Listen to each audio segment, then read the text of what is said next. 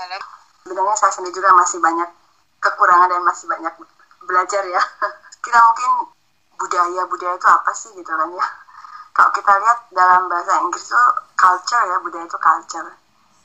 Culture itu kalau misalnya di apa bahasa itu kan culture itu bukan dari bahasa Inggris ya dari bahasa Latin kalau nggak salah ya nah, yang artinya itu mengolah atau mengerjakan seperti itu dan dalam bahasa Indonesia culture itu juga kadang diterjemahkan sebagai kultur ya dalam bahasa Indonesia. Nah kita lihat lihat dulu budaya itu apa sih gitu loh ya.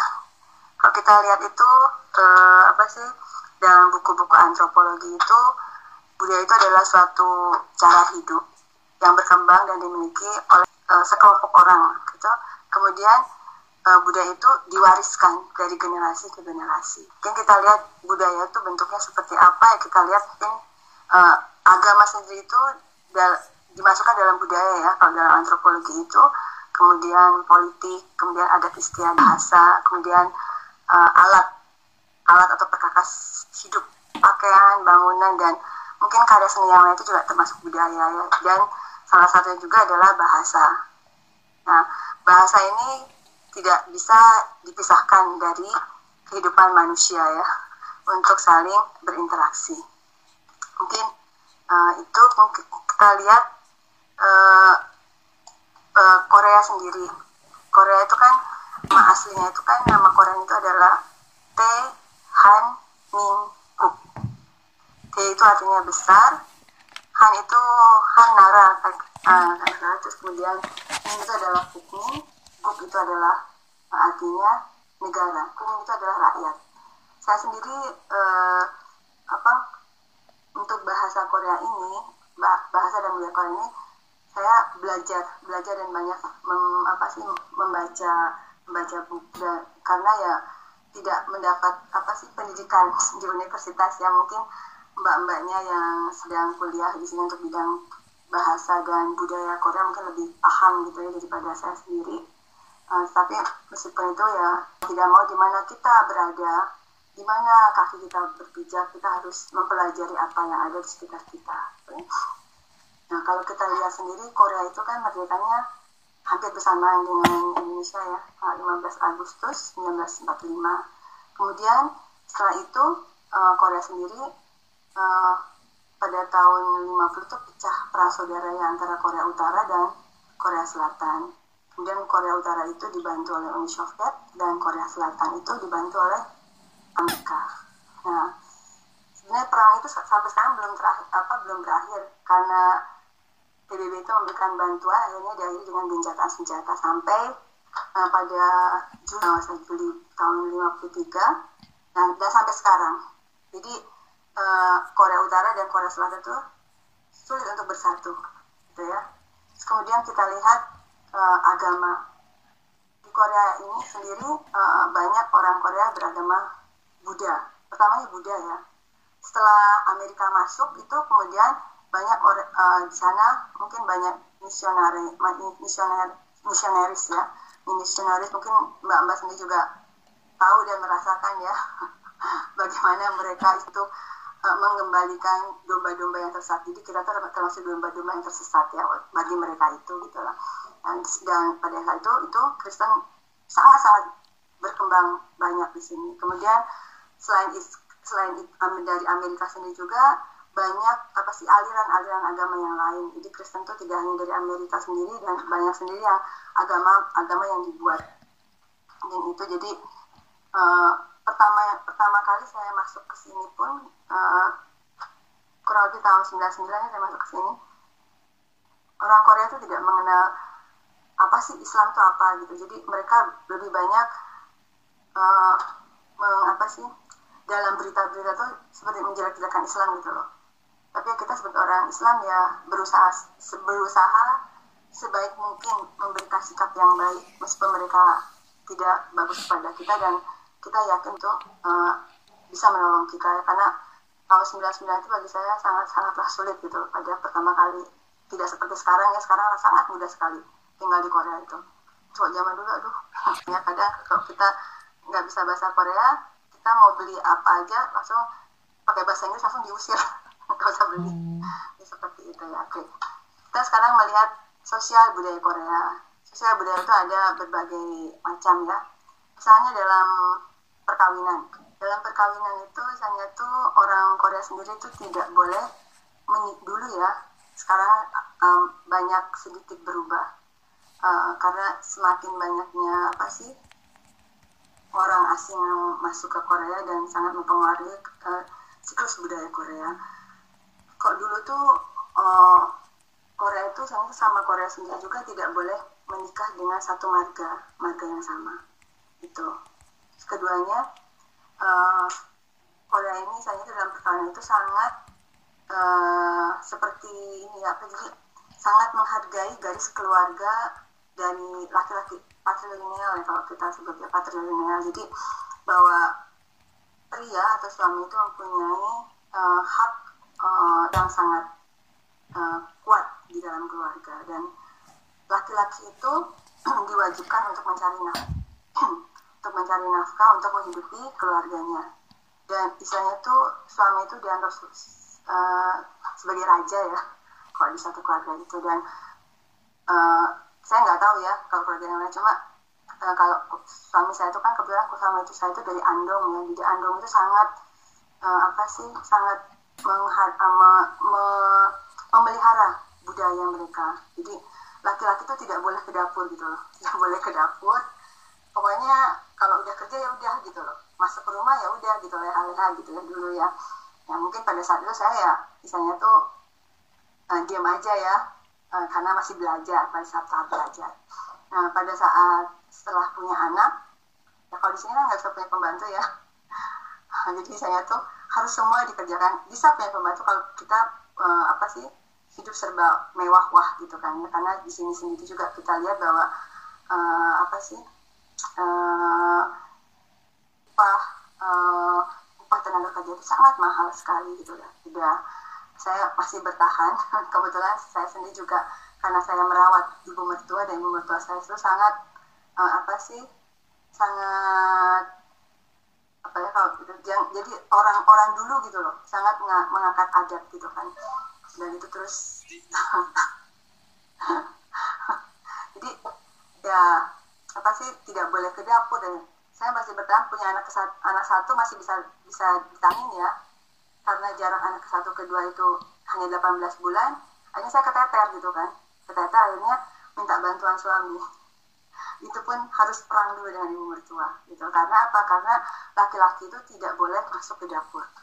Tidak boleh suami itu hanya duduk diam melihat. Jadi banyak seperti itu ya. Alhamdulillah ya dengan waktu berjalan bisa uh, saling mengerti gitu. Jadi sekarang istri dalam di Korea ini sebenarnya istri itu tidak boleh bekerja. Nah, jadi kalau misalnya dia boleh bekerja, kalau suaminya suaminya itu memberikan izin, gitu. Jadi selalu uh, kalau suaminya memberikan izin, oke okay, kita bisa bekerja.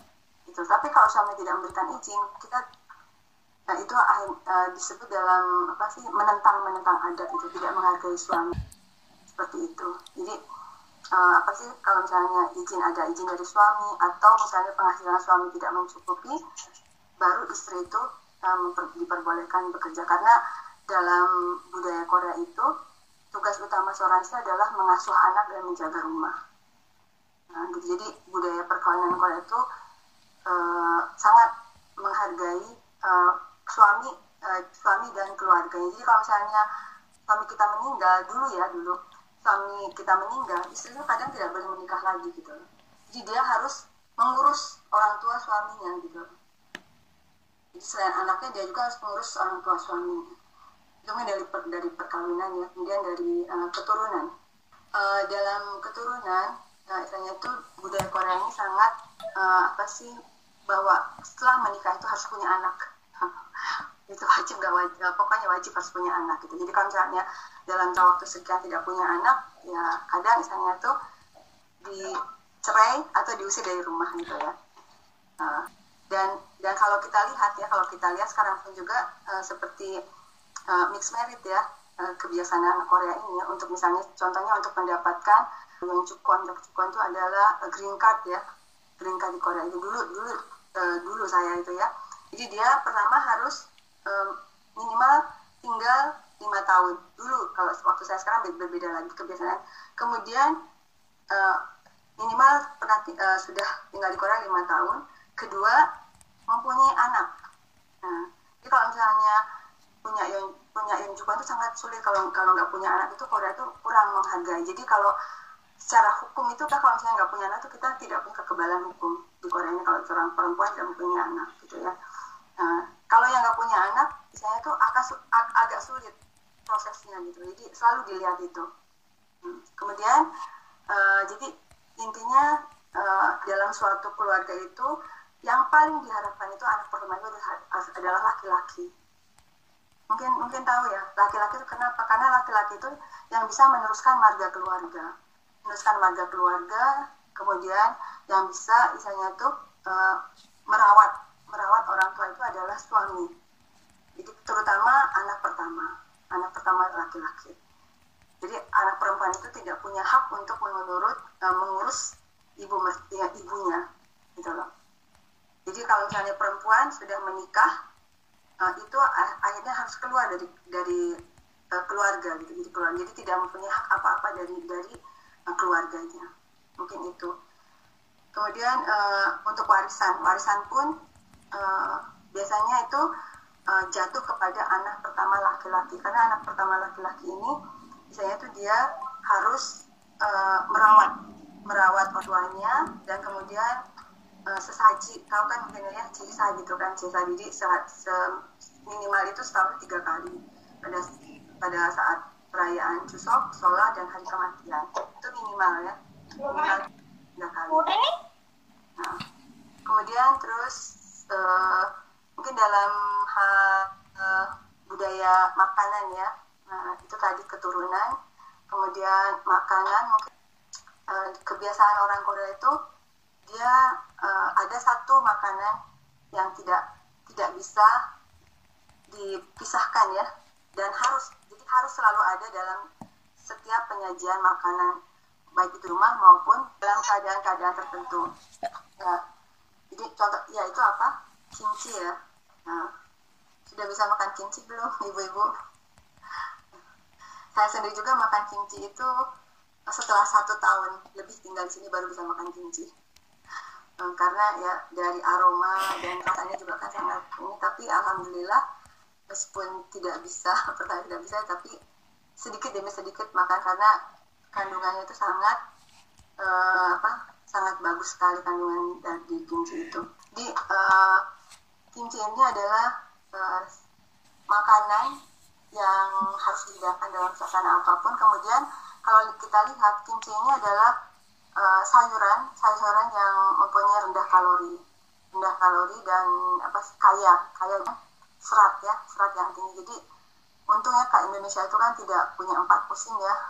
Mungkin ibu-ibu sendiri merasakannya tinggal di sini ya apalagi pada saat musim dingin makanan apa sayuran itu sangat mahal. Sayuran dan buah-buahan sangat mahal. Jadi orang Korea sendiri itu bagaimana dia mempersiapkan uh, masa musim dingin itu tetap tetap makan makanan yang bergizi gitu ya yang memenuhi kesehatan badannya gitu. Jadi pada saat musim uh, mulai semi ya pada saat mulai mulai mulai semi musim semi panas dan sampai musim gugur itu mereka uh, bertani ya. Sampai kalau kita lihat ya orang Korea itu sampai dia menanam menanam dengan bidang apa pun itu mau juga di atas apa sih styrofoam atau di atas. Hmm. apa sih eh, bak-bak yang kayak itulah gitu. Mungkin ibu-ibu pernah lihat ya. Sangat menghargai uh, cuaca dengan dengan seperti dia bisa mempunyai perbekalan makanan gitu.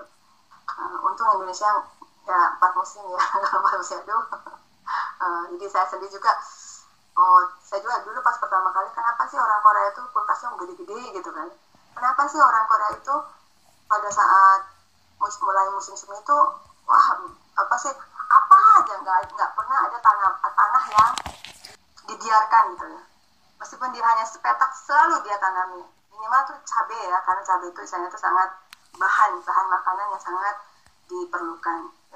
Jadi kenapa kimchi itu disebut makanan spesial? Karena kimchi itu dibuat apa sih dibuat oleh suatu keluarga suatu keluarga dibuat oleh keluarga besar.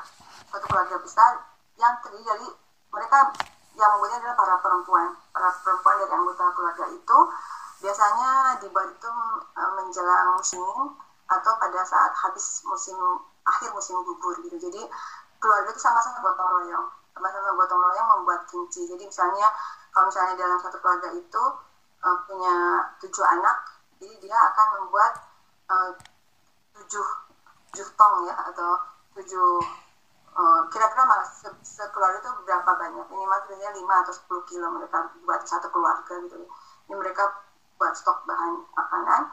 Kemudian perempuan itu kalau misalnya pandai membuat kimchi maka dia itu adalah uh, maka dalam keluarga itu uh, memberikan apa sih bahwa perempuan kalau saya buat kimchi itu pasti ini adalah perempuan yang pandai gitu.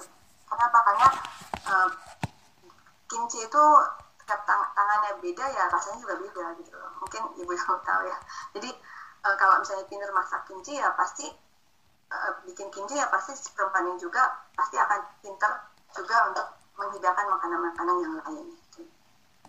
Kalau kita lihat sejarah kimchi ya, mungkin kimchi itu pertama kali uh, itu warnanya tidak merah ya. Ya itu pertama kali itu warnanya putih gitu. Putih. Nah, kenapa kok kimchi itu warnanya merah? Kenapa ya warnanya? Jadi pada saat pecah perang antara Jepang dan Korea itu Jepang itu membawa semacam bubuk cabai ya. Mungkin pada saat kurang uh, kalau kurang lebih itu pada saat perang yang dipimpin oleh Isun Isun Isun sih. Ya jadi uh, mungkin uh, bunda-bunda semua ibu-ibu semua coba lihat dalam apa dalam sejarah perang itu. Kita saya sendiri juga melihat film itu kurang lebih tiga atau empat kali karena sangat berkesan sekali nah pada saat itulah kimchi itu berubah menjadi warna merah. Jepang juga ada yang namanya kimochi ya. Nah, jadi mereka bawa kalau di kimchi Jepang kan agak merah-merah gitu ya, tapi tidak merah sekali, gitu ya. Nah, jadi tapi tetap uh, kimchi putih itu namanya back kimchi itu tetap ada gitu ya. Dan uh, jadi kalau kita lihat itu kurang lebih itu kimchi itu kalau kurang tidak kalau nggak salah itu kan ada kurang lebih 200 jenis ya kimchi itu. Semua semua makanan itu di apa sih diasingkan diawetkan dalam bentuk macam-macam kimchi gitu. Hmm. saya suka masih banyak belajar ya, karena membuat kimchi itu tidak tidak mudah ya. Jadi intinya itu uh, kimchi adalah cara untuk mengawetkan uh, mengawetkan sayur-sayuran. Pada saat musim panen untuk menghadapi uh, musim dingin. Itu uh, kemudian bahasa ya. Uh, mungkin ibu-ibu sendiri juga ini ya saya sendiri juga sama dulu pertama kali tinggal di Korea ini. Banyak sekali banyak kendala dalam bidang bahasa ya. tapi saya sendiri sendiri juga misalnya tuh mungkin kalau zaman sekarang kan ada ohaktang ya. Ohaktang bisa belajar bahasa Korea dengan apa sih dengan membayar? Atau sekarang juga banyak juga belajar bahasa Korea di multicultural multicultural center yang diberikan secara gratis gitu ya. Kalau pada zaman saya tuh nggak ada yang kayak seperti itu. Tahun ya tahun 2000-an gitu ya. Itu misalnya tuh orang Korea tuh apa sih baru eh, apa sih karena kan Korea itu mulai membuka membuka uh, dengan apa banyaknya uh, orang asing yang masuk itu pada tak pada World Cup ya. Pada World Cup World Cup 2002 jadi saya sendiri sebelum karena kebetulan saya menikah tahun 2002 jadi sebelum 2000, sebelum tahun 2002 saya juga sudah tinggal di Korea. Pada saat itu mungkin sebagai training ya kalau training sekarang sama training dulu, dulu itu beda. Kalau training dulu itu memang benar-benar dari perusahaan ke perusahaan. Jadi tidak intinya dihadirkan sekian harus sekian puluh juta nggak ada kalau dulu itu memang benar-benar training gitu kan ya. Nah, kalau sekarang kan agak berbeda ya misinya itu kan. Nah, jadi sebelum menikah dengan suami juga saya tinggal di sini. Pada saat itu saya memang uh, apa sih belajar bahasa Korea tapi dengan autodidak uh, karena kebetulan saya punya sahabat orang Inggris. Dan dia adalah seorang guru guru bahasa Inggris di sebuah sekolah. Dan saya saat weekend itu saya suka belajar juga dengan dia nah pada saat itu ya nggak ada lah misalnya belajar gratis-gratis gitu kan nggak ada. Pada saat setelah menikah juga sama. 2002 itu belum banyak kita bisa belajar bahasa Korea secara apa cuma-cuma ya. Pada saat itu sangat kalau saya ingin belajar harus ke perguruan tinggi gitu dengan biaya yang tidak tidak sedikit ya. Karena ya suami saya sendiri juga bukan orang yang berada orang ngawah jadi saya sendiri juga harus uh, mandiri gitu kan. Kalau kita lihat itu bahasa itu apa sih gitu loh bahasa itu adalah uh, alat atau sebuah wujud budaya ya yang digunakan manusia untuk saling berkomunikasi gitu. dengan bahasa itu bahasa itu ada secara uh, tulis secara lisan ataupun dengan gerakan isyarat. Jadi dengan bahasa itu kita bisa menyampaikan maksud hati atau kemauan kepada lawan bicara kita. Nah, jadi dengan bahasa ini kita misalnya tuh uh, bisa mengenal semuanya gitu ya. Nah, jadi kita uh, bahasa Korea itu kapan sih adanya gitu ya? Kalau yang saya baca-baca itu Hangul itu dulu tuh orang Korea itu menggunakan Hancha ya. Jadi Hancha itu adalah karakter uh, Chinese karakter ya. Dan jadi bahasa Cina. Uh, tetapi bahasa Cina itu misalnya itu hanya bisa dipergunakan oleh uh, orang-orang atas. Jadi uh, para para lingkungan kerajaan atau para bangsawan. Jadi rakyat-rakyat jelata itu mereka uh, sulit gitu loh untuk untuk belajar bahasa Hanja itu atau bahasa Cina itu akhirnya dengan kebijaksanaan Raja Sejong ya Raja Sejong kalau nggak salah pada abad 15 uh, eh, itu akhirnya Raja Sejong itu membuat membuat hangul membuat hangul untuk bisa memudahkan komunikasi antara uh, rakyat biasa rakyat biasa untuk bisa memberikan apa sih masukan atau uh, untuk komunikasi lah antara rakyat biasa dengan para bangsawan dan kerajaan. Akhirnya diciptakanlah Hangul sebagai bahasa isyarat atau eh, bahasa bahasa rahasia ya. Nah di apa sih dibuat dengan secara sangat sederhana sekali. Dan memang dia merasakan saya juga pernah belajar bahasa Jepang. Bahasa Jepang itu sangat sulit gitu loh. Bahasanya mudah tapi nulisnya itu susah gitu loh. Kita harus sering tapi kalau bahasa Korea ini sangat sederhana sangat simpel dan sederhana gitu ya. Hmm, jadi uh, bahasa Korea itu jadi dari 10 vokal dan 14 konsonan jadi dari kombinasi vokal dan konsonan itu bisa uh, apa sih menghasilkan huruf-huruf yang lainnya gitu kan. Uh, mungkin Bu Ana gimana sih bisa bahasa Korea gitu ya. Saya sendiri juga pertamanya belajar bahasa Korea itu secara mandiri. Secara mandiri karena uh, istilahnya tuh meskipun ada suami kita nggak bisa minta tolong sama suami gitu ya. Kalau misalnya apalagi setelah punya anak gitu kan. Setelah punya anak mau ke sini mau ke rumah sakit atau kan namanya anak kan kalau sebelum umur dua tahun kan sering sakit-sakitan gitu kan ya. Kita harus membawanya kan, kan nggak mungkin gitu kan ya. Nah, kalau misalnya terus suami kita izin ya bisa-bisa dipecat ya suami kita ya. Nah akhirnya ya alhamdulillah saya itu sendiri juga uh, belajar, belajar berusaha dan kemudian pada tahun 2004 kalau masa 2004 2005 itu mulai banyak kebijaksanaan di Korea untuk karena setelah World Cup itu banyak orang asing yang masuk ke Korea dan mereka banyak trouble dalam bahasa ya akhirnya banyaklah dibuat uh, apa center-center, multicultural center dan sebagainya untuk kita bisa belajar bahasa Korea dengan gratis. Nah pada saat itu saya anak-anak kecil masih kecil juga saya misalnya tuh sambil gendong anak sambil netain anak tuh belajar. Karena ingin ingin belajar di universitas juga kan mahal ya kemampuan suami kita juga. Dan kita sendiri juga mau nggak mau anak bagaimanapun juga anak itu adalah ibu yang mendidik gitu kan oke lah misalnya kita dengan anak bisa komunikasi dengan bahasa Indonesia tapi jika anak itu harus keluar dari rumah misalnya sekolah bagaimanapun juga ibu juga harus bertanggung jawab untuk uh, apa sih mendampingi anak itu gitu loh. Jadi saya ya susah nggak sus, ya meskipun susah ya mau nggak mau belajar gitu jadi belajar terus sampai sekarang ya saya tetap belajar. Mungkin itu ya uh, insya Allah tidak ada sesuatu uh, apa sih kalau kita belajar sesuatu tidak ada yang tidak selalu ada manfaat dan faedahnya ya. Uh, kemudian uh, kalau kita lihat mungkin ya uh, orang Korea itu gimana sih gitu kalau kita lihat uh, orang Korea itu rata-rata temperamennya tuh agak tinggi ya. Temperamen temperamennya tinggi. Kalau kita mungkin kalau di Indonesia tuh kayak orang Batak mungkin ya.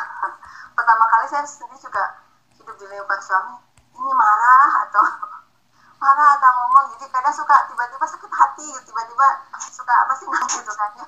Terus saya kenapa? Tadi kok marah-marah deh gitu. Enggak emang kayak gitu ya. Kebetulan saya kan orang Sunda ya. Tahu kan orang Sunda orang Jawa kan kalau tuh halus kan ya tapi lama-lamanya. Oh ternyata seperti itu.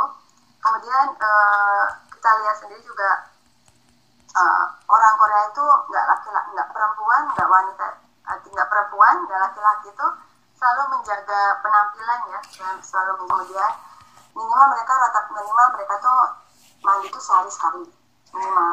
Tapi kalau udah nenek-nenek kakek-kakek itu kadang kadang nggak mandi ya nggak mandi. Ya karena emang ya itu karena apa sih untuk mandi itu air panas itu susah keluar gitu. Dan mereka pasti mandi itu uh, ya seminggu sekali gitu loh. Kita ya alhamdulillah kita uh, apa sih ditakdirkan sebagai orang Islam ya yang mengenal kesehatan apa kebersihan gitu kan ya. Saya sendiri juga dengan ibu mertua kadang suka suka marah juga ya gitu misalnya tuh ya ini kan nggak hidup sendiri gitu kan. Nggak hidup sendiri gitu kan. Ada anak-anak nih anak-anak tuh kan mereka yang contoh gitu kan ya.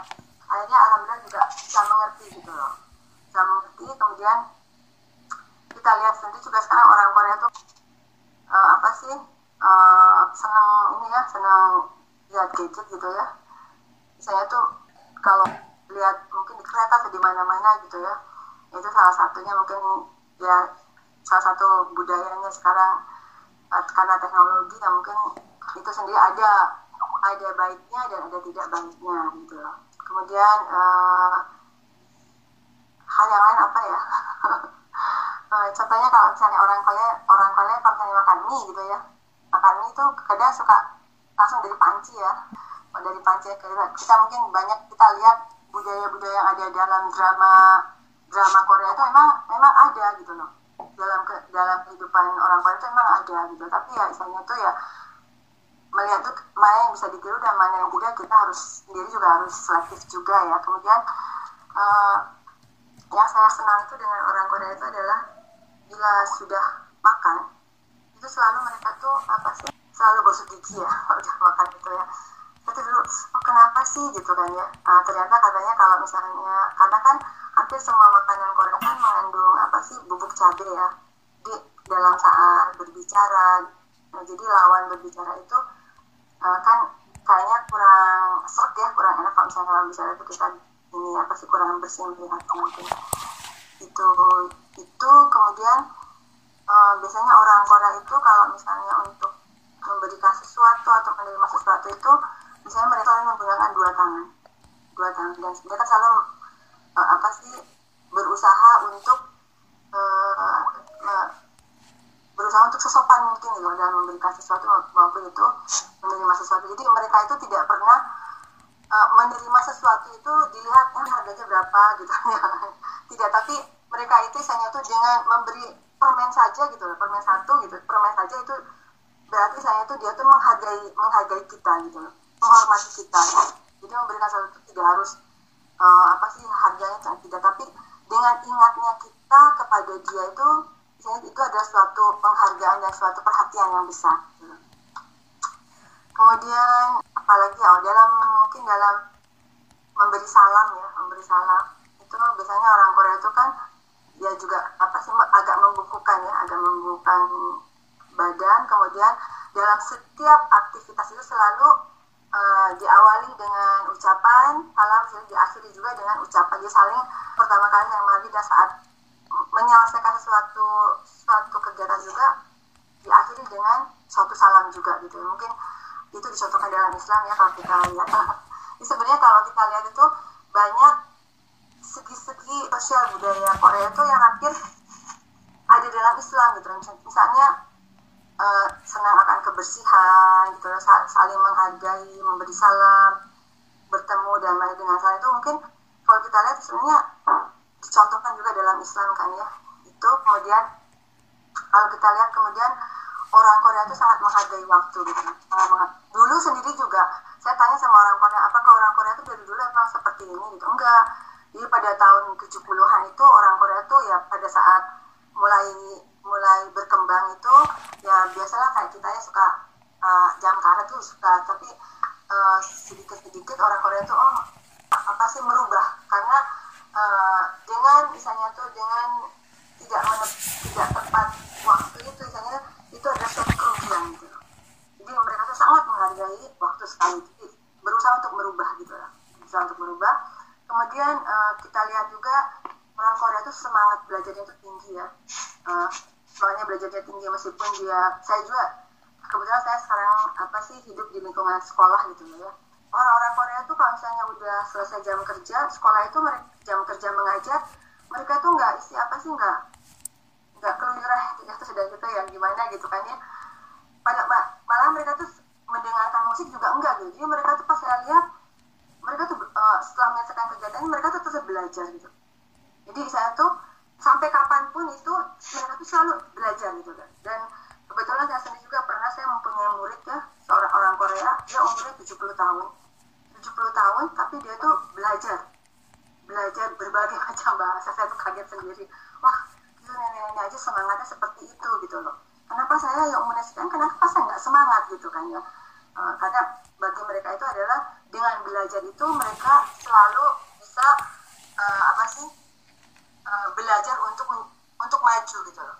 Belajar untuk maju misalnya itu belajar dengan apa yang belum dia dapat gitu loh. Jadi semangat belajar itu tinggi sekali. Jadi tidak melihat golongan usia apa mungkin itu yang ada dalam Islam ya bahwa uh, carilah ilmu dari mulai buaya sampai liang lahat itu kan. Itu kan contoh dari Islam juga ya. Kemudian uh, mungkin kita sebagai ibu-ibu ya sebagai ibu-ibu uh, jadi pada saat mungkin ada anaknya yang sudah SD kelas 2 ke atas gitu yang kita lihat betapa semangatnya ibu-ibu itu misalnya tuh pada saat anaknya mulai masuk sekolah gitu kadang uh, ada ada seorang ibu yang misalnya itu dia sengaja mengambil cuti mengambil cuti tidak diba, tidak digaji untuk bisa mendampingi anaknya pada saat masuk uh, eh, SD untuk bisa beradaptasi selama di sekolah gitu. jadi kemudian uh, ibu-ibu ini apa sih uh, para orang tua murid itu sangat misalnya itu memperhatikan saja. Kadang sendiri mereka juga banyak kegiatan-kegiatan uh, orang tua murid yang diselenggarakan di sekolah. Mungkin itu hmm, ada lagi nggak ya? Ya saya sendiri juga uh, belajar ya karena itu bukan budaya jadi belajar melihat dan apa sih uh, memproses ya. Uh, budaya itu bagus bagi saya ya saya, saya ikuti gitu loh. Mungkin mungkin itu saja mbak mbak Asma ya. Iya Bu Ana. Jadi kan banyak ya gitu kan. Apa namanya mungkin dijelasin semua itu panjang banget gitu kan.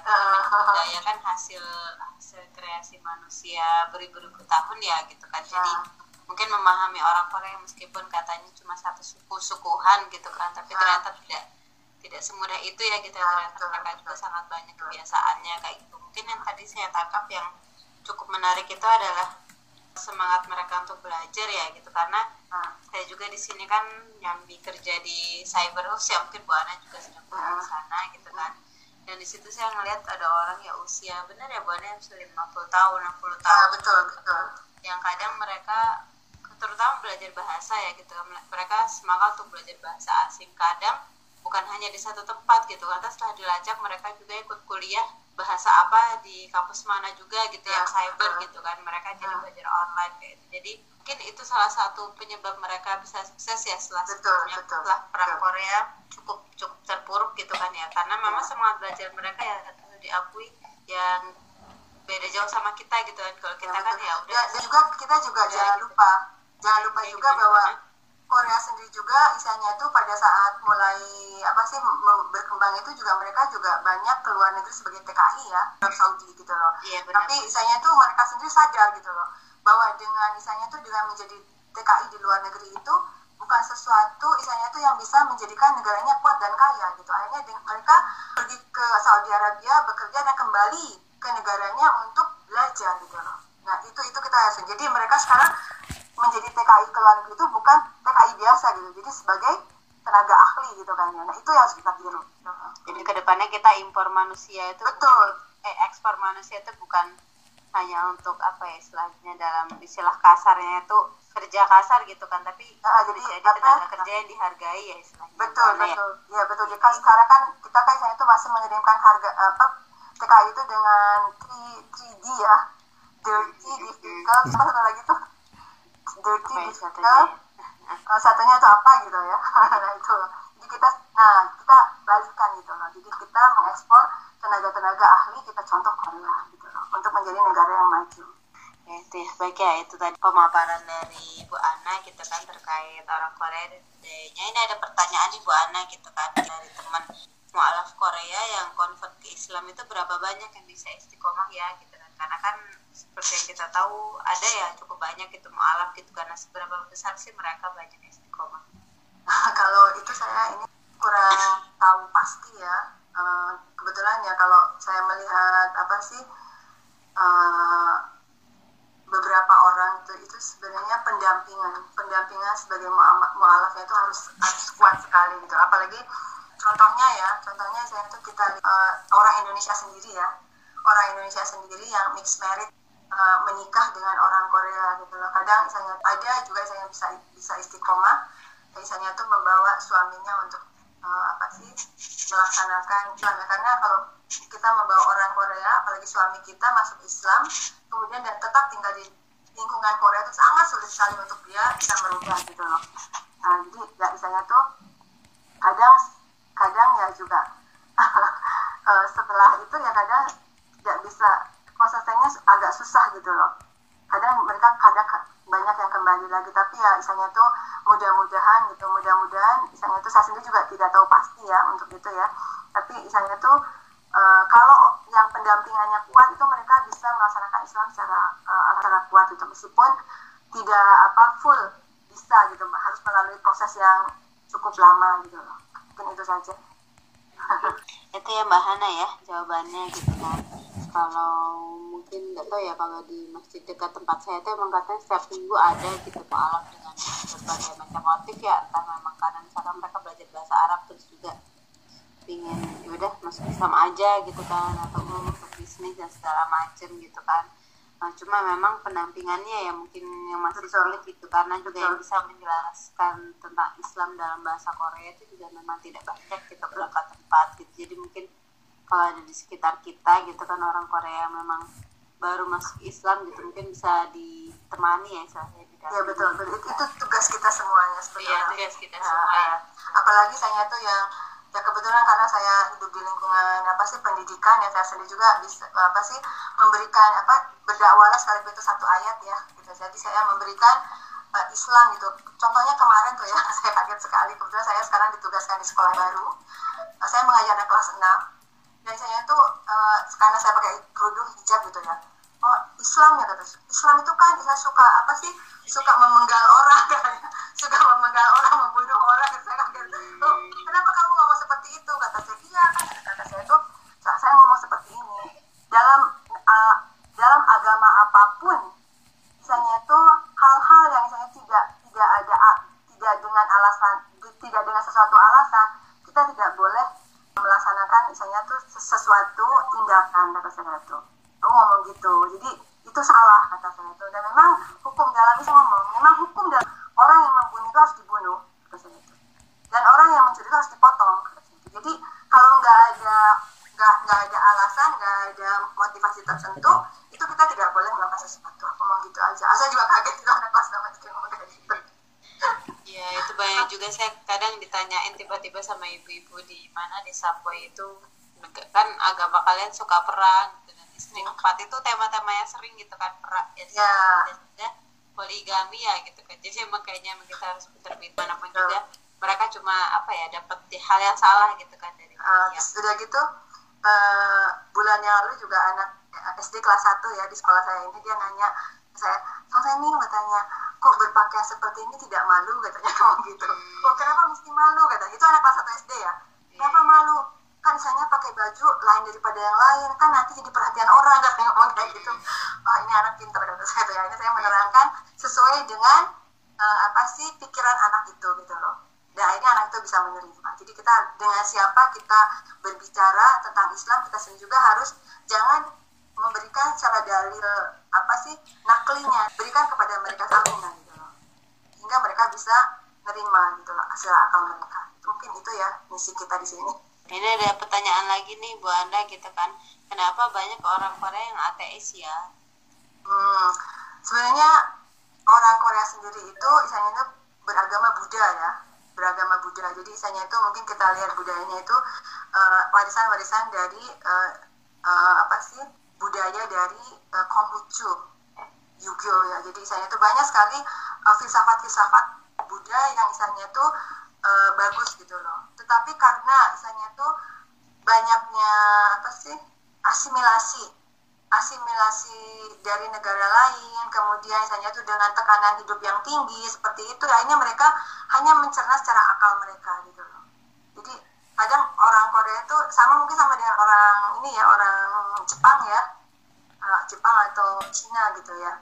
Jadi mereka misalnya itu hanya memperoleh secara aklinya saja, jadi mereka uh, agak bergeser gitu loh, agak agak bergeser dari kepercayaan uh, beragama Buddha dengan ah saya lebih baik jadi orang yang nggak beragama ini yang penting saya uh, apa hidup baik dengan orang lain gitu mungkin seperti itu ya mbak Asma ya.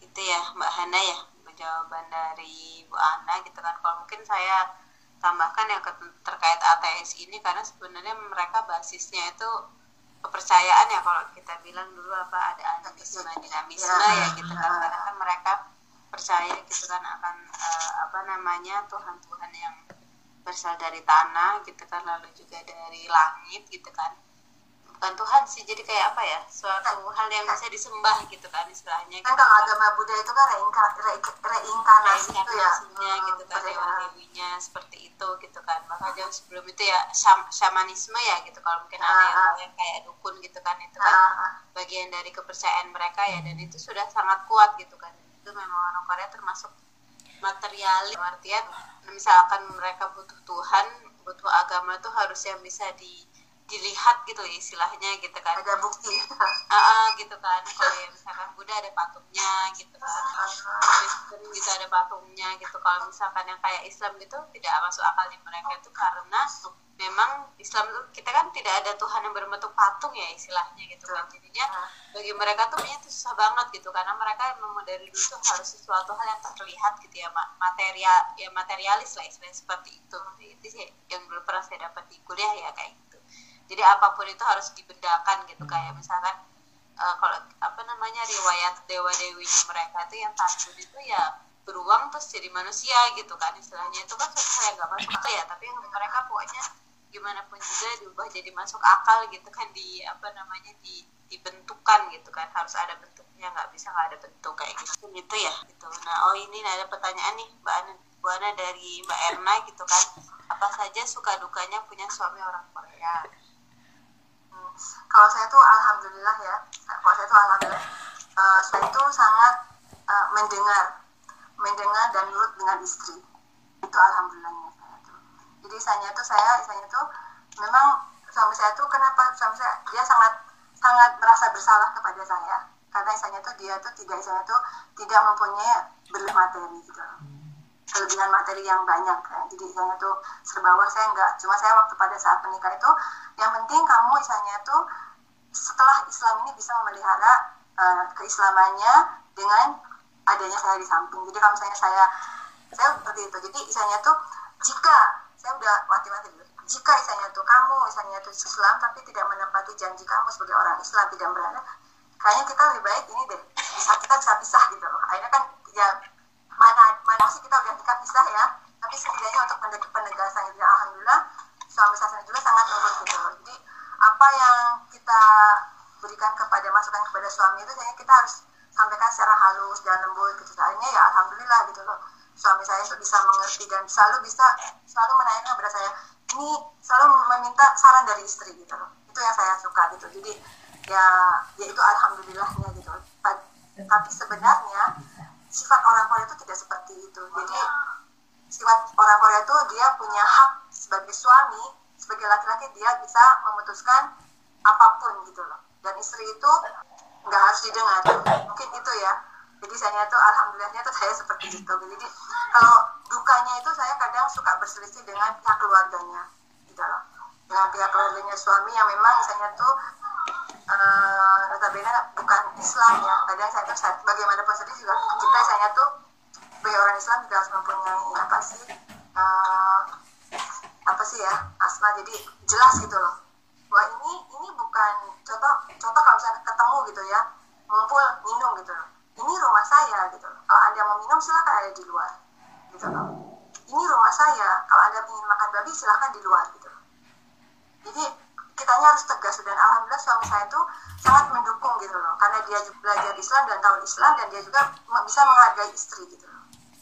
Nah, alhamdulillah jadi bisa ini mungkin kalau saya alhamdulillah cuma dukanya itu dari ada suka harus dengan keluarga suami mungkin itu keluarganya gitu kan kan memang kalau sama orang tua tuh kalau nggak ikut minum kayak dianggap nggak ikut minum gitu karena saking sudah mendarah dagingnya mungkin ya gitu ya kayak gitu. betul betul betul. Jadi tapi kan kita orang Islam tuh harus menegakkan harus itu kan dan iya. harus tegas gitu. Karena bagaimana eh, bagaimanapun anak-anak kita juga melihat dan mencontoh gitu. Baik, Bu Ana ini ada pertanyaan lagi nih kita kan dari Ophelia. Jadi bagaimana cara membuat orang Korea itu nyaman dan tertarik untuk mengenal Islam jika mereka tidak ada niatan sama sekali sama sekali untuk belajar gitu kan? Adakah cara atau lebih baik tidak usah dicoba sama sekali? Jadi kalau ya- kalau menurut saya ya kalau misalnya mereka tidak menanyakan biasanya tuh nggak usah lah saya kita nggak usah nggak usah mendahului gitu loh nggak usah mendahului gitu karena bagaimanapun juga mereka tuh orang yang misalnya katakanlah tidak beragama kita kita kasih arahan sendiri juga mereka tidak akan masuk kecuali kalau mereka bertanya kalau mereka bertanya baru kita jawab sesuai dengan eh, aklinya. Tadi saya ngomong sudah ngomong jadi akli gitu contohnya. Misalnya kenapa sih nggak boleh minum? katanya. Kenapa sih nggak boleh mak- makan arak minum arak? gitu loh. Kadang kadang suka saya ngomong gitu loh. Karena orang itu dalam melakukan sesuatu aktivitas kerja itu harus secara sadar gitu loh. Secara, secara sadar. Jadi kalau misalnya orang yang minum itu kan melakukan sesuatu itu tidak sadar gitu. Itu tidak contohnya kalau misalnya dengan tidak sadar tiba-tiba kita membunuh gitu kan. Itu kan sesuatu sesuatu apa sih? Sesuatu hal apa sih? Sesuatu kejahatan.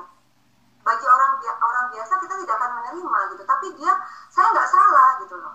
Saya nggak salah saya sedang mabuk. Nah itu. Jadi menghindari hal-hal yang di luar uh, apa sih?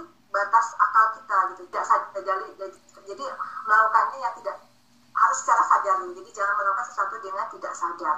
Mungkin itu jadi suka misalnya kalau contohnya seperti anak saya pertama kali ya. Ibu kenapa sih harus sholat gitu kan ya? Kenapa sih harus puasa gitu kan ya? Nah kita jawabnya secara akli dulu. Kamu sekarang ngapain belajar gitu kan ya? Ya kalau belajar kan bisa cari uang. Nanti dengan uang itu bisa bisa beli apa-apa dan ceritanya kalau mau kalau mati bawa apa?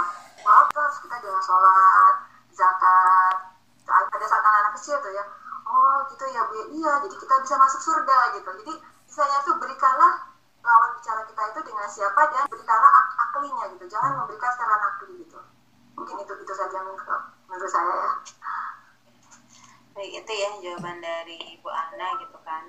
Dan mungkin apa namanya, misalkan orang Korea yang nggak nanya gitu kan, sebenarnya dengan perbuatan kita ya misalnya kita tidak saya butuh sholat nih gitu kan, atau saya nggak minum arak gitu, atau saya tidak makan babi itu kan akhirnya mereka tanya loh kenapa gitu kan. Nah, akhirnya kita ada kesempatan menjelaskan ya sedikit eh, tentang Islam kepada mereka.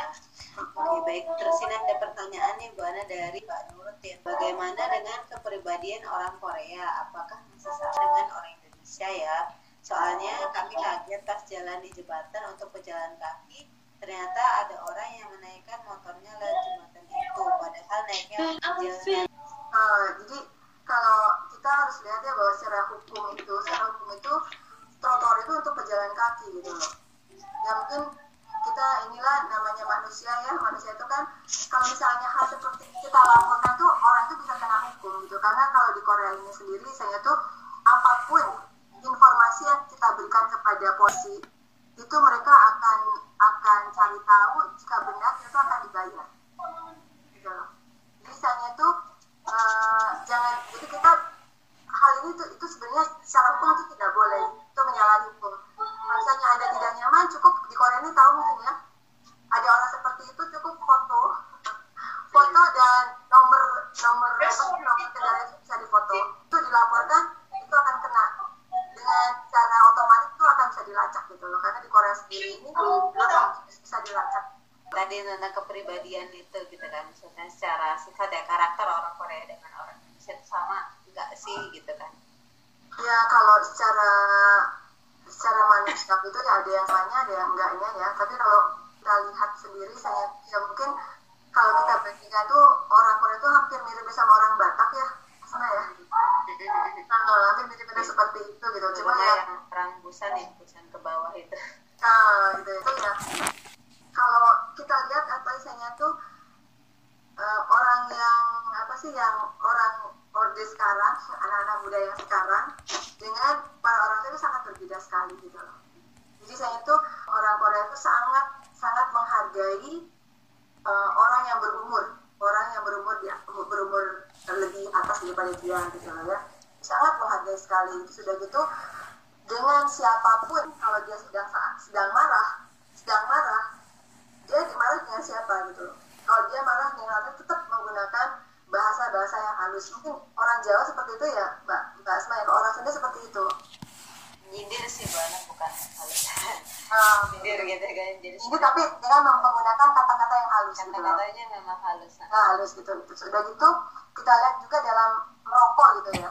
Kalau merokok itu kan merokok atau minum itu kan merokok itu pantang ya orang Korea itu orang yang muda merokok dengan orang yang tua itu pantang sekali gitu loh. Saya tuh mungkin ini yang harus kita tiru juga ya misalnya itu ya itu merokok itu nggak nggak nggak di sembarang tempat. Jadi harus tahu tempatnya. Itu mungkin kita harus kita contoh juga ya.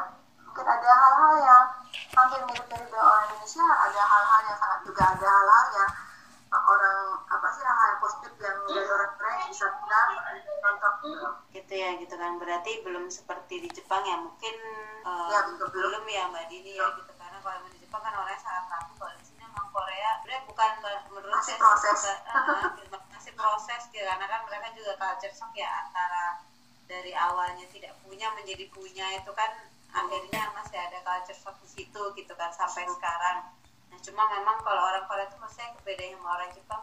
Orang Korea itu lebih dinamis gitu ya maksudnya tidak semua nurut itu enggak gitu. Aneh agak-agak maksudnya berani melawan tuh ada gitu kan. Jadi emang mungkin nggak bisa disamakan dengan Jepang yang secara karakter lebih lebih lembut lebih manut gitu ya. Kayaknya sih seperti itu betul gitu betul kan. jadi kalau kalau Jepang itu saya tuh eh, orang yang tua itu bisa seenak perut gitu loh ngapa-ngapain dan tidak bisa akhirnya pemuda itu memprotes. Tapi kalau Korea itu alhamdulillah masih apa sih demokratis gitu loh. Kalau yang tua salah ya salah gitu loh. Dia harus menerima. Jadi masih alhamdulillah masih ada ini gitu. Jazakallah khair penjelasan dengan baik. Ini selanjutnya Mbak Ninda dan Mbak Nurul sedang mengetik kita. Ya, karena kerajaan juga mungkin ya Jepang mungkin bisa jadi ya itu kan. Betul betul. Jepang emang se- secara tata adatnya juga mereka udah lumayan terjaga selama beribu-ribu tahun sih ya Ya, lebih betul. feodal juga gitu dibanding nama Korea. Mm-mm. betul betul. Kalau kalau kalau Korea itu kan misalnya tuh be- lebih banyak unsur asimilasinya ya. Karena kan kalau Jepang itu kan mungkin ya Bu Ana ya? Karena kan kalau itu kan eh, kalau Jepang itu kan tidak dijajah kan. Kalau Iya, Korea itu kan dijajah gitu kan. Nah, jadi kan budayanya itu kan bercampur gitu kan. Ini ada pertanyaan lagi nih Bu Ana dari Mbak Nurul. Ditanya dong kan ada video viral yang yang orang Korea merespon orang bule, Eropa atau bule dan orang Asia dan banyak yang mengenalkan orang Korea seperti itu menurut Bu Ana gimana gitu kan. Jadi mungkin ini maksudnya gimana tuh Mbak Nurul ya mungkin orang Korea kalau sama orang oh mengeneralkan gitu kan. Mungkin kalau sama orang Eropa baik tapi sama orang Asia agak agak diskriminasi mungkin gitu ya? Hmm. kadang banyak yang video-video seperti itu gitu kan. Eh, mungkin ya kita misalnya ya kita kita lihat sejarah ya tadinya sejarah itu kan. Misalnya pada pecah perang saudara kan. Pecah perang saudara antara Korea Utara dan Korea Selatan itu kan. Jadi orang Amerika tuh orang kulit putih itu sebagai dia sebagai dewa lah istilahnya tuh. Menganggap sebagai dianggap oleh orang Korea itu sebagai dewa mungkin ya. Nah, jadi saya tuh mereka tuh sangat eh, ya mungkin dari dari buyut-buyutnya gitu kan ya. Oh Amerika tuh Amerika tuh bantu kita gitu. Kalau Amerika nggak bantu kita oh, kita tuh bisa habis digasak sama Uni Soviet dan Korea Utara gitu kan. Jadi ada rasa apa sih uh, hutang budi gitu loh ya. Nah tapi eh, untuk sekarang ini saya tuh kaum kaum mudanya tuh sudah mulai agak bergeser juga bergeser juga jadi misalnya contohnya ini saya ya. Contohnya saya saya pernah merasakan. Pada saat pertama kali bekerja ditugaskan di suatu sekolah melihat performa saya misalnya tuh uh, kulitnya berwarna gitu. Jadi saya tanya lu mau ngapain ke sini? Katanya gitu. Ya dengan bahasa yang oh, sakit hati. Lu mau ngapain ke sini? Bisa ngajar apa di sini? Gitu loh. Saat yang sama sendiri juga ada misalnya juga orang bahasa Inggris ya orang Inggris ya native speaker yang datang gitu ya beda sekali dengar ramah yang saya oh gitu ya tapi saya memang sakit hati ya jadi saya sakit hati akhirnya saya menjawab ini kalau anda misalnya tidak tidak mau menerima saya silakan anda lapor ke Diknas saya sini tugas di Diknas kita keinginan saya kata dan maaf ya kata saya kita juga harus menyampaikan yang secara halus. Dan maaf ya kata saya meskipun saya tidak bekerja di sini bukan anda yang memberi makan saya tapi Allah yang memberi makan saya itu orang gitu jadi pada saat kapan misalnya itu kita itu me, me, apa sih jadi orang yang keras tapi dengan suara yang lembut dan kapan kita menjadi orang yang diam gitu nah itu itu saya rasakan sendiri juga ya. dan dan akhirnya alhamdulillah selama ya kita lihat kan meskipun ada rasa sakit hati dendam gitu kan ya sama kepala sekolah itu tapi kita lihat bahwa kita di sini itu bukan untuk dia gitu kita di sini itu untuk mengajar mengajar anak-anak memberikan wawasan yang baik untuk anak-anak gitu akhirnya ya alhamdulillah saya tuh dengan prestasi bekerja dan dan lain-lainnya dan penilaian yang bagus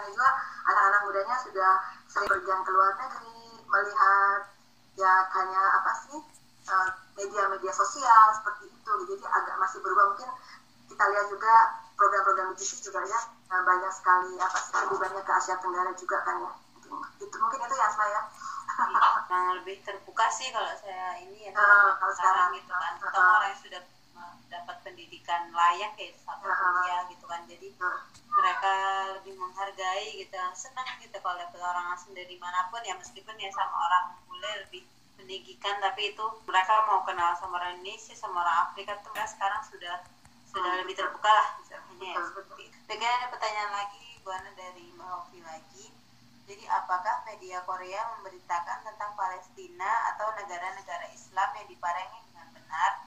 Apakah mereka cukup open minded?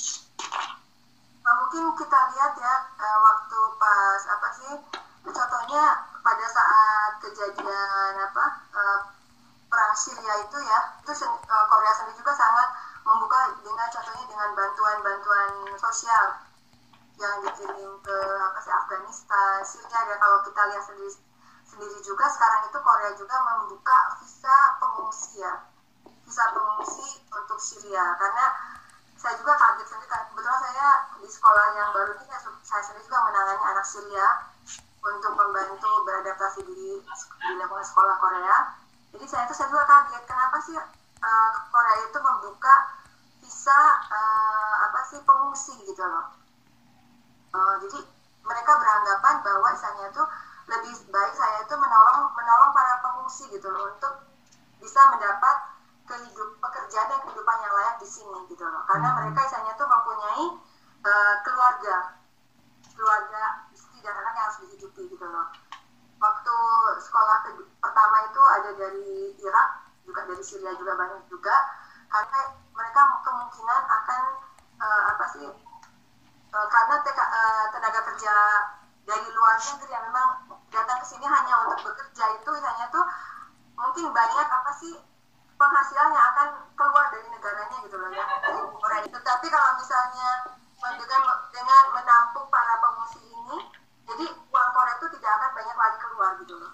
Kalau yang saya saya terima informasinya itu. Dan juga kemudian ya kalau kita lihat ya mungkin waktu itu di uh, juga kan banyak ya tuh ya sih? Uh, apa sih itu namanya asma apa apanya oh, kayak apa sih uh, lilin-lilin kayak gitu oh iya iya. Uh, suara hati ya kita juga banyak banyak juga sekarang udah mulai yang lain juga ini kok kayak kemarin di Gota ada ada lagi pas ini ya Gota kemarin lagi lumayan chaos. Itu juga Korea juga memberitakan mas saya nggak nggak lihat sih beritanya benar atau salah. Tapi maksudnya mereka udah cukup fair gitu maksudnya itu tuh jadi bagian yang mereka urusin gitu kan. Jadi nggak cuma Amerika doang gitu kan tapi orang Korea juga Syria Palestina gitu kan. Itu juga sudah mulai dibicarakan oleh mereka. Dan waktu itu salah satunya itu adalah uh, mereka memperlihatkan di di TV ya TV yang dilihat oleh anak-anak di sekolah itu bagaimana korban perang yang anak-anak itu yang pengungsi lewat laut itu yang anak-anak bayi meninggal itu itu juga sekolah tiap sekolah sekolah itu membuat kayak celengan-celengan gitu yang untuk disumbangkan itu uh, uh, jadi, jadi seperti itu gitu. Jadi rasa apa sih rasa turut itunya tuh anak-anak tuh di, diberikan apa sih berita berita di TV di TV yang bisa di apa sih disalurkan setiap kelas. Kemudian anak-anak juga mengumpulkan kayak celengan celengan celengan itu ya kecil gitu. Dikumpulkan untuk per kelas itu terus dari dikumpulkan per sekolah untuk disumbangkan kepada anak-anak Syria juga jadi ada agen kalau nggak salah dulu pernah itu ya gitu kan jadi memang ya maksudnya mereka tidak buta sama sekali lah istilahnya ya tentang dunia Islam kayak gitu. Tuh, nah ini terus ada pertanyaan lagi, gitu kah misionaris itu tersebar ya di mana-mana gitu kan? Kapan hari ada ajosi yang menyapa anak-anak kami, saya berempat dengan suami juga. Terus ajosi ngasih uang antara gimana gitu. Di kepala di kepala saya sudah kepikiran jangan-jangan dia misionaris gitu kan. Ngasih uangnya juga banyak banget gitu kan. Setiap satu satu anak tuh sepuluh ribu ya. Cuma ya selama ini memang banyak yang ngasih duit ya. Harmoni harmoni tapi seribuan gitu kan. Antara dia mision, misionaris atau memang baik kayak gitu. Jadi mungkin hmm. karena saking banyak misionaris ya jadi kita sering curiga kayak gitu kalau kalau di sini tuh ya memang misalnya tuh kalau uh, nenek-nenek kakek-kakek itu kadang memang suka gitu sih ngeliat anak-anak kecil tuh kayak ngeliat cucunya disuruh ngasih uang gitu kan ya. Itu misalnya tuh ya kalau nenek kakek saya itu tidak tidak pertama kalinya kalau kita nggak ngomong apa-apa emang kebanyakan seperti itu nenek-nenek kakek kakek cuma ya itu ya hati-hati juga gitu karena sekarang kan modus penculikan juga kan ya. Nah itu juga modus penculikan juga. Terus udah gitu ya kalau kita tidak bisa uh, menutup sebelah mata ya bahwa dengan misalnya tuh uh, Amerika menol Amerika menolong membantu Korea Korea Selatan itu pada pecah perang saudara itu mereka juga punya misi kan. Punya mission kan. Ya kita kita harus sadar lah bahwa Amerika itu tidak akan memberikan sesuatu dengan cuma-cuma kan. Pasti ada sesuatunya gitu. Dan memang mission mission mission harus memang dari dulu gitu loh. Dari dulu dan memang misalnya itu sekarang apalagi contohnya saya pernah ini ya potong rambut itu kan ada orang Korea yang dia orang Katolik gitu ya. Tapi Katoliknya tuh orang Katolik yang benar-benar Katolik gitu ya. Bukan Katolik yang aneh gitu. Jadi saya itu dia nanya sama saya biasanya itu apa sih? Saya itu yang namanya halal gitu kan ya. Aku ya saya cerita kasih bisa saya gitu kan. Memangnya kenapa sih? Kata saya. Gitu ya. Memangnya kenapa sih? Iya katanya. Saya itu sekarang itu uh, bukan Katolik ya. Kristen-Kristen itu yang ada itu jadi mereka tuh memberikan paham kepada umat umatnya itu bahwa jangan kalau bisa jangan makan yang ada tulisannya halal gitu. Karena kalau makan syarat yang ada tulisannya halal kamu tuh sudah murtad keluar dari Kristen kamu. Gitu. jadi mereka mendoktrin seperti itu gitu. Jadi mereka juga ketakutan. Jadi saya tuh Korea sendiri Korea sendiri juga saya tuh halal itu dalam tanda petik gitu ya apakah halal memang benar atau halal karena untuk misi perdagangan mereka sendiri gitu. Beda sama itu ada memang agak sudah terbuka sekali gitu. Dan mudah-mudahan Korea sendiri juga dengan halalnya itu memang benar-benar sadar untuk misalnya tuh memberikan fasilitas kepada kita sebagai orang Islam. Mungkin itu aja ya. Ya baik. Itu ya Mbak Nurul ya gitu kan. Di sini ada Mbak Dini masih mengetik oh iya gitu kan. Uh, dari Mbak Dini nih gitu kan. Bu Anak kalau tadi ada yang tanya tentang suami ini kami bertanya bagaimana mendidik putra putrinya. Susah mudahnya itu bagaimana gitu kan. Juga bagaimana memperkenalkan agama. Apakah mereka juga diperkenalkan dengan budaya Indonesia gitu? Mungkin Bu Ana bisa cerita banyak gitu kan ya saya itu kan kita sebagai ibu ya. Sebagai kalau kita sudah menikah itu sebagai ibu dan ayah itu adalah contoh ya. Contoh bagi anak-anak kita gitu loh ya. Contoh bagi anak-anak kita. Jadi ya alhamdulillah karena uh, suami saya sendiri juga beragama Islam sebelum menikah gitu loh. Jadi pada saat sebelum menikah itu dia belajar gitu. Belajar di Islamic Center sampai mendapat uh, apa sih kelulusan ya kelulusannya dia sebagai seorang mualaf di Islamic Study Itaewon jadi dia ya tahu gitulah meskipun misalnya itu dalam menjalankannya belum bisa 100% full gitu ya karena yang memang kita harus inilah nggak bisa keras gitu kan ya harus istilahnya lembut gitu kan ya. Nah karena anak-anak saya melihat saya dan suami saya seperti itu akhirnya mereka mengikuti gitu kan. Meskipun pertama kali sholat ya ikut sholat ya, itu udah gitu sudah agak mengerti kenapa sih ibu harus sholat gitu lah sudah gitu kenapa sih ibu harus baca Quran? Dan ibu itu bahasa cacing bisa dibaca enggak gitu kan. Ngomongnya bahasa apa sih bahasa Arab tuh bahasa cacing, cacing ya. bahasa cacing. Ibu itu kok bisa dibaca? Jadi anak alhamdulillah anak-anak saya itu melaksanakan apa pun dari sejak kecil itu mengikuti meniru contoh orang tuanya. Karena alhamdulillah saya sendiri juga uh, sesibuk apa pun saya itu sebenarnya saya bisa hanya mengaji satu ayat gitu ya saya selalu di depan anak-anak dan suami gitu loh nggak pernah senggak jadi saya itu dan kan baca apa sih gitu loh ya. Oh baca baca bahasa Indonesia gitu. Ya akhirnya ikut ikutan gitu kan ya. Dan karena saya sendiri juga suka suka mengajar online bahasa Indonesia di rumah gitu. Karena uh, memang sih kalau mengajar online bahasa Indonesia itu uangnya kecil ya. Uangnya kecil tetapi kita harus lihat efeknya gitu loh. Efeknya kepada anak-anak itu pada saat saya mengajar anak-anak itu harus diam. Harus diam dan misalnya itu tidak boleh ribut. Akhirnya kan mereka kan telinga mereka terbuka mereka masuklah. Karena misalnya itu anak itu kan merekam ya merekam dan alhamdulillah bahasa Indonesia juga ngerti gitu loh dan Indonesia juga ngerti kemudian uh, mengaji karena saya suka mengaji anak-anak hanya mau mengaji gitu loh dan alhamdulillah sekarang yang besar udah ikronah mudah-mudahan bisa langsung ke Quran dekat yang anak sekarang udah ikro lima meskipun untuk umur sekian itu kalau dibanding di Indonesia kan sangat lambat sekali tapi daripada tidak lebih baik lambat daripada tidak ya alhamdulillah ada lagi dari Mbak Nesi gitu. tadi dari Mbak Ovi yang melanjut maksudnya kalau buka visa komisi bisa mengurangi uang yang dikeluarkan kok di luar Korea tadi apa ya maksudnya kayak gitu jadi kan kita lihat ya kalau misalnya para contohnya para TKI ya para para TKI yang masuk ke sini kan mereka tuh kan akan mengirimkan penghasilannya kan. Mengirimkan penghasilan penghasilannya untuk dikirim ke keluarganya yang ada di, di Indonesia kan misalnya kan. Berarti kan itu kan uang negara itu kan uang yang dihasilkan di Korea itu kan keluar kan. Ini enggak saya iya iya. Uh, gitu loh. Tetapi kalau dia mempekerjakan pengungsi ya istilahnya tuh dia bisa istilahnya tuh uang itu tidak akan keluar gitu ke negaranya gitu loh. Karena kan negaranya sudah berjang pecah perang dan seperti itu jadi mereka mungkin lebih akan dominan tinggal di Korea lebih lama gitu loh. Meskipun orang tuanya bekerja sekarang anak-anak itu akan di masa depan itu anak-anaknya akan berguna untuk kehidupan sosial di Korea ini. Contohnya kayak sekarang Syria ya, Syria, Iran, Afghanistan itu kan saya itu mereka mempunyai latar belakang untuk bahasa Arab ya dan budaya Timur Tengah gitu loh. Sedangkan di Korea sendiri juga uh, budaya Timur Tengah itu kan mencari orang itu sangat sulit ya. Nah, nah setidaknya anak-anak ini kan saya tuh dia mengenal budaya budaya uh, Korea, dia mempunyai background dengan budayanya dia, saya itu bisa membantu untuk pengembangan pengembangan sosial budaya juga di Korea juga gitu loh. Dan menjadi misalnya tuh orang-orang yang misalnya tuh bermanfaat negara Korea sendiri gitu loh. Kalau kalau para TK ini kan dua tiga tahun lima tahun udah kan dengan membawa wasiknya itu keluar semua gitu loh. Nah, mungkin, mungkin itu ya, Mbak, Mbak ya. Mungkin saya tambahin Gitu ya. Mas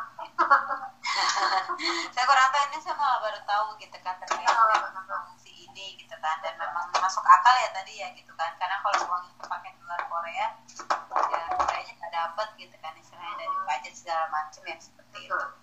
Itu baik. Ada lagi yang ingin bertanya mungkin terkait eh, materi hari ini ya gitu kan. Mungkin yang memang kita sembari tinggal di sini gitu kan ketemu banyak dengan orang Korea gitu kan memang mungkin ada satu kesamaan ya kadang ya kita orang Korea gini gini gini gitu kan. Tapi mungkin nggak semua. Mungkin kalau misalkan sekali ketemu orang di subway yang dia menjelek-jelekan Islam ya jangan dianggap semua orang Korea kayak gitu gitu kan. Ah, banyak orang betul. Korea yang yang cukup terbuka yang saling menghargai gitu kan. Apalagi ya urusan agama kan urusan yang satu privasi ya. Mereka biasanya ya udah gitu kan. Kalau emang kamu nggak suka ya kayak gini gitu kan. Jadi mereka uh, menghargai gitu kan. Berarti saya selama berinteraksi dengan orang Korea selalu dipertemukan dengan orang-orang yang yang selalu menghargai terkait dengan agama saya ya gitu kan. Jadi ya, saya ada yang iseng kalau uh, satu lebihnya sebenarnya enggak kok. Saya sendiri juga isengnya tuh tadinya kan ya saya sendiri tadinya juga apa sih isengnya tuh uh, pada saat mulai berkerudung itu malah orang kenapa kamu tuh kok pakai kerudung? katanya. Kok mempersulit hidup kamu? gitu. Loh kok mempersulit? katanya. Ya isengnya tuh ya karena mungkin ada rasa tetap apa sih khawatir gitu. Tapi ya setidaknya dengan men, men, apa, menemui orang-orang seperti itu kita ah, orang ini belum tahu. Ya jangan biar biar biarkan saja gitu. Kalau selagi selagi mereka tidak apa sih tidak mengusik kita ya biarkan saja itu nggak usah didengar. Seperti itu ya gitu kan. Ada lagi gimana dari mama itu mungkin dari FB ya ada ada apa namanya pertanyaan mungkin kalau kalau menurut saya jadi intinya itu hidup di negara yang satu sangat apa sih uh, bertolak belakang dengan budaya kita tuh kita tuh perlu kesabaran ya. Perlu kesabaran dan saya tuh ya saya tuh melatih kita untuk uh, apa sih untuk menjadi orang yang sabar apa sih uh, mempunyai apa sih bisa inilah bisa untuk bisa sabar menghargai orang lain gitu kan ya. Ini kalau kalau belum punya anak sih belum masalah. Ya kalau udah punya anak sangat besar sekali masalahnya. Kini ada lagi nih um, Bu Ana dari Mbak Nurul ya. Kami itu sering ditraktir sama profesor suami gitu kan. Sudah tiga kali sepertinya. Dia juga pernah ke rumah saya. Makan malam dan lain-lain di malam tapi dengan begitu kita agak sungkan nanya keluarganya dia anaknya dia sudah berkeluarga apa belum gitu kan. Apakah itu memang seperti itu terkait keluarga ya gitu? Orang Korea kan memang tidak tidak semuanya terbuka dengan keluarga mereka masing-masing ya Neni. Kalau saya kadang kalau misalnya dengan orang Korea itu kadang mereka tanya duluan ke kita ya. Kalau misalnya mereka tak udah tanya duluan ke kita kita juga balik lagi nanya gitu loh. Dengan kata maaf ya gitu loh. Maaf ya gitu loh sudah menikah apa belum gitu kadang sekarang karena kan sekarang kan budaya Korea itu kan mereka lebih senang untuk hidup sendiri daripada berkeluarga gitu kan. Kita harus ya nggak apa-apa bertanya tapi dengan didahului dengan kata maaf ya itu sebenarnya. Mungkin seperti itu ya. Sama juga sih dengan orang Indonesia gitu. Iya iya. Sama mungkin ya, kalau misalkan memang mereka tidak memulai gitu ya biasanya saya nggak nanya gitu kan. Betul ya. betul karena banyak orang Korea yang nggak mau ditanya tentang keluarganya gitu. Ya menikah menikahnya kita tahu sudah menikah cuma anaknya gimana istrinya gimana gitu kan. Kalau itu kadang saya kalau itu saya tidak pernah menanya. Cuma kadang uh, maaf ya sudah menikah oh sudah punya anaknya berapa udah kelas berapa. Hanya itu saja tidak pernah menanyakan yang lain. Tapi kalau misalnya mereka sudah dan lama kadang mereka juga suka cerita gitu. Jadi yeah. kalau saya lebih lebih baik mereka mendahului daripada kita mendahului daripada kita mendahului saya seperti itu. Sekarang uh, banyak ya uh, apa sih yang tinggal di sini ya? Yang pelajar pelajar semakin banyak ya Asma iya uh, uh, lumayan pelajar baru semakin banyak ya Bu Ana gitu kan. Kemarin juga kayak di Google ya Google itu banyak banyak apa namanya yang baru datang gitu kan. Jadi insya Allah tambah lah ya. Sekarang juga rumah Isasko juga lumayan ramai gitu kan. Biasanya hanya berapa orang tapi kayak kemarin berapa ya? 30 orang apa ya? Oh, alhamdulillah. kan? saya, saya sendiri juga ada suka ingin ikutan gitu ya rumah sepeda suka bentrok juga. Iya. kadang kalau enggak anak-anak pas lagi belajar juga kan nggak enak juga gitu kan. Harus dampingi juga gitu loh. Kalau uh, kalau saya sendiri juga kalau makan di luar itu kalau mau nggak mau saya di kantor gitu kan ya saya tuh makan seperti itu kita mau nggak mau kan kalau nggak datang juga nggak enak gitu kan ya, ya iya susah sih ya kalau susah gitu, gitu ya. loh misalnya karena kita kan bekerja di lingkungan orang-orang Korea di yang satu yang satu sekolah itu orang asingnya cuma saya dengan orang uh, native speaker bahasa Inggris gitu kan. Ya mau nggak mau kan harus datang gitu kan. Jadi kita ya misalnya tuh ya sambil ini lah misalnya. Jadi intinya kita ke sana bukan untuk makan ya tapi untuk misalnya tuh silaturahmi kita sebenarnya saya juga tidak begitu sangat menikmati makan di luar. Iya, iya udah udah. Kalau saya sih termasuk udah lelah dengan makanan Korea ya. Jadi ikut basic itu cuma buat store buka gitu kan. Sudah pengen cepet pulang makan di rumah kayak gitu. Gitu. Ini apa nih mbak Nurul ya? Makanan khas Korea di warung atau atau rumah makan yang umumnya bebas penyedap yang rasa babi dan ayam itu apa ya? Apa ya maksudnya? Ya bebas penyedap rasa soalnya kalau misalnya itu makan kalau makan di luar itu misalnya tuh ya kita lihat gitu. Kadang orang-orang Korea itu kan yang saya tuh makan apa sih samgyeopsa kayak gitu. Kadang saya suka minta sendiri gitu loh. Nah, saya nggak makan ini gitu loh. Saya minta hidangan sendiri gitu loh. Saya minta tenjang aja gitu loh. Tenjang ciga aja gitu loh. Jadi kalau ya kita misalnya tuh ya misalnya tuh karena bagaimanapun juga kan semua makanan itu mengandung kalau makan di luar itu kan mengandung penyedap gitu kan ya. Uh, jadi misalnya tuh ya sebelum kita makan kita, kita kan jelas ya buat tenjang ini kan ternyata bukan bukan apa sih makanan yang bisa um, haram gitu. Jadi kita bisa makan karena kan dari so, so, soybean ya.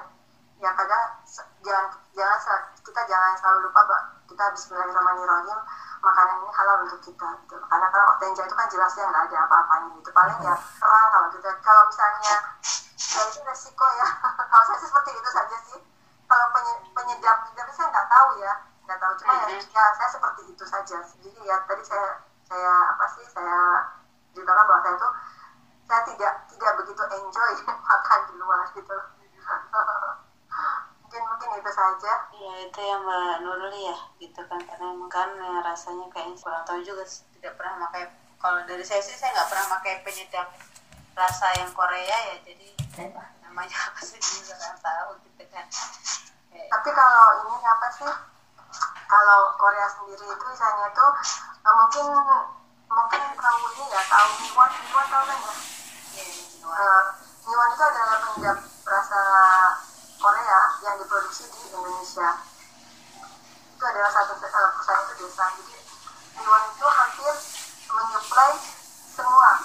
Semua misalnya tuh semua uh, makanan bumbu penyedap itu adalah kebanyakan dari Miwon sedangkan Miwon sendiri itu diproduksinya di Indonesia jadi misalnya itu kalau uh, penyedap itu kecuali kecuali itu mungkin bukan penyedap ya. Kalau misalnya penyedap itu sama aja kayak Miwon gitu. Orang-orang Korea mungkin kita lihat ya kalau di toko-toko apa sih kayak di Home Plus di Sima di apa sih toko-toko yang ada gitu itu penyedap rasa hanya Miwon bayangannya Miwon nah ini biasanya itu minyak minyaknya itu itu minyak uh, itu minyak jadi bukan penyedapnya minyaknya itu kan itu sudah gitu itu ya mbak Nurul ya mungkin hmm. yang masakan masakan Korea mungkin bisa dimakan sundubu kali ya sundubu atau uh, sundubu juga itu harus hati-hati ya yang sundubu cuma yang kayak. Nah. memang harus ditanyain sih karena kadang mereka kaldunya tetap dari daging ya nah, kalau kalau sundubu juga itu harus hati-hati karena ada ada hemul hemul sundubu adalah siput siput sundubu ada juga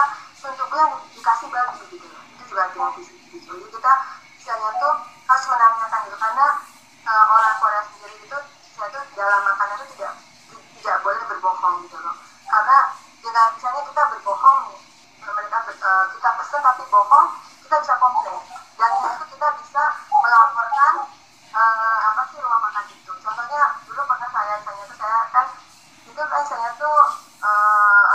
makanan itu pas saya uh, ya bisa kayak gitu ya makan makan itu saya itu uh, saya pikir misalnya tuh saya baru tahu itu sutu uh, sutu bu gitu. Nggak pakai daging nggak ada nggak ada daging gitu. Pas datang dia ada daging gitu. Tadi ngomongnya nggak ada daging tapi ini ada daging ini dari apa oh maaf dan misalnya tuh ya udah ini saya nggak makan gitu. Saya lebih makan jangan timbang gitu yang lebih emang jadi saya tuh mungkin um, orang Korea itu kalau